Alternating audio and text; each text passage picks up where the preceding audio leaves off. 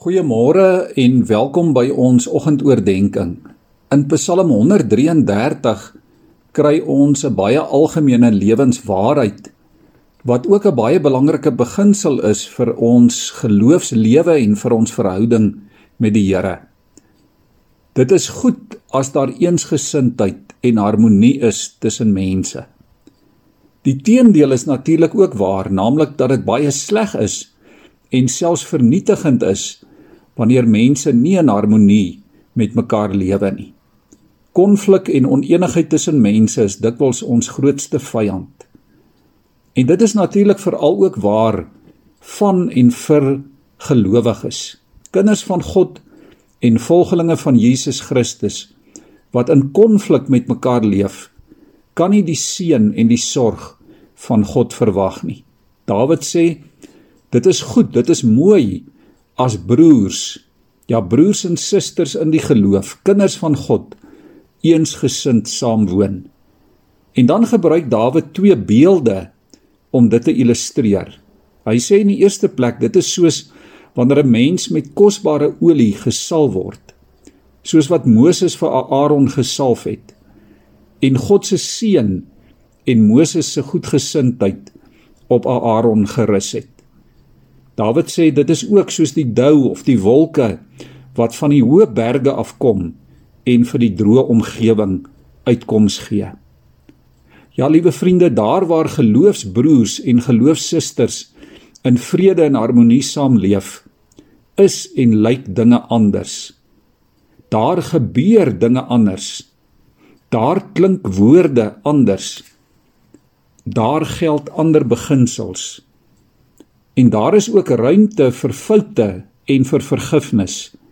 Daar aanvaar mense mekaar in liefde en help mense mekaar en dra hulle mekaar op die hart. Waar gelowiges eensgesind saam woon, word verskille uitgepraat tot opbou van almal en word God se koninkryk sigbaar. Dit geld natuurlik vir die kerk en dit geld vir ons gemeenskapslewe. Dit geld vir ons gesinne, ons families, ons huwelike, ons besighede. Dit geld vir ons plase, vir elke vlak van die samelewing waar God se kinders werk en woon en betrokke is.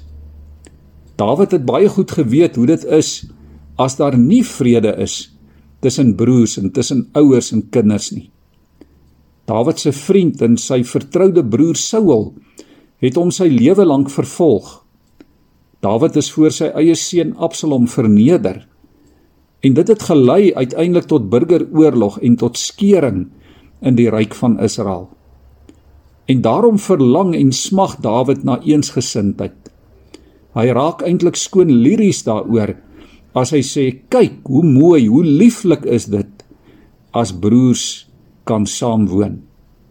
Dit is soos kosbare lekker ryk olie wat jou liggaam en jou siel en jou gees verkoop. Wat vir jou waarde gee.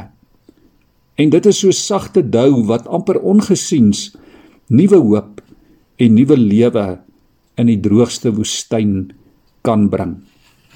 Ek lees vir ons Psalm 133. 'n Pelgrimslied van Dawid. Kyk, hoe goed, hoe mooi is dit as broers eensgesind saam woon. Dit is soos kosbare olie op die kop wat afloop op die baard, die baard van Aaron wat afloop oor die kraag van sy klere. Dit is soos Hermons dou wat afkom op die Sionsberge. Want daar beveel die Here sy seun lewe vir altyd. Kom ons buig vanmôre ons hoofde saam in gebed voor die Here. Here Kersfees herinner ons dat u vrede en welbehae vir hierdie wêreld in gedagte het. En Here dat u ons wil seën met u vrede. U wil dit vir u kinders gee. Eensgesindheid en harmonie waar u seuns en dogters in u vrede met mekaar saamleef.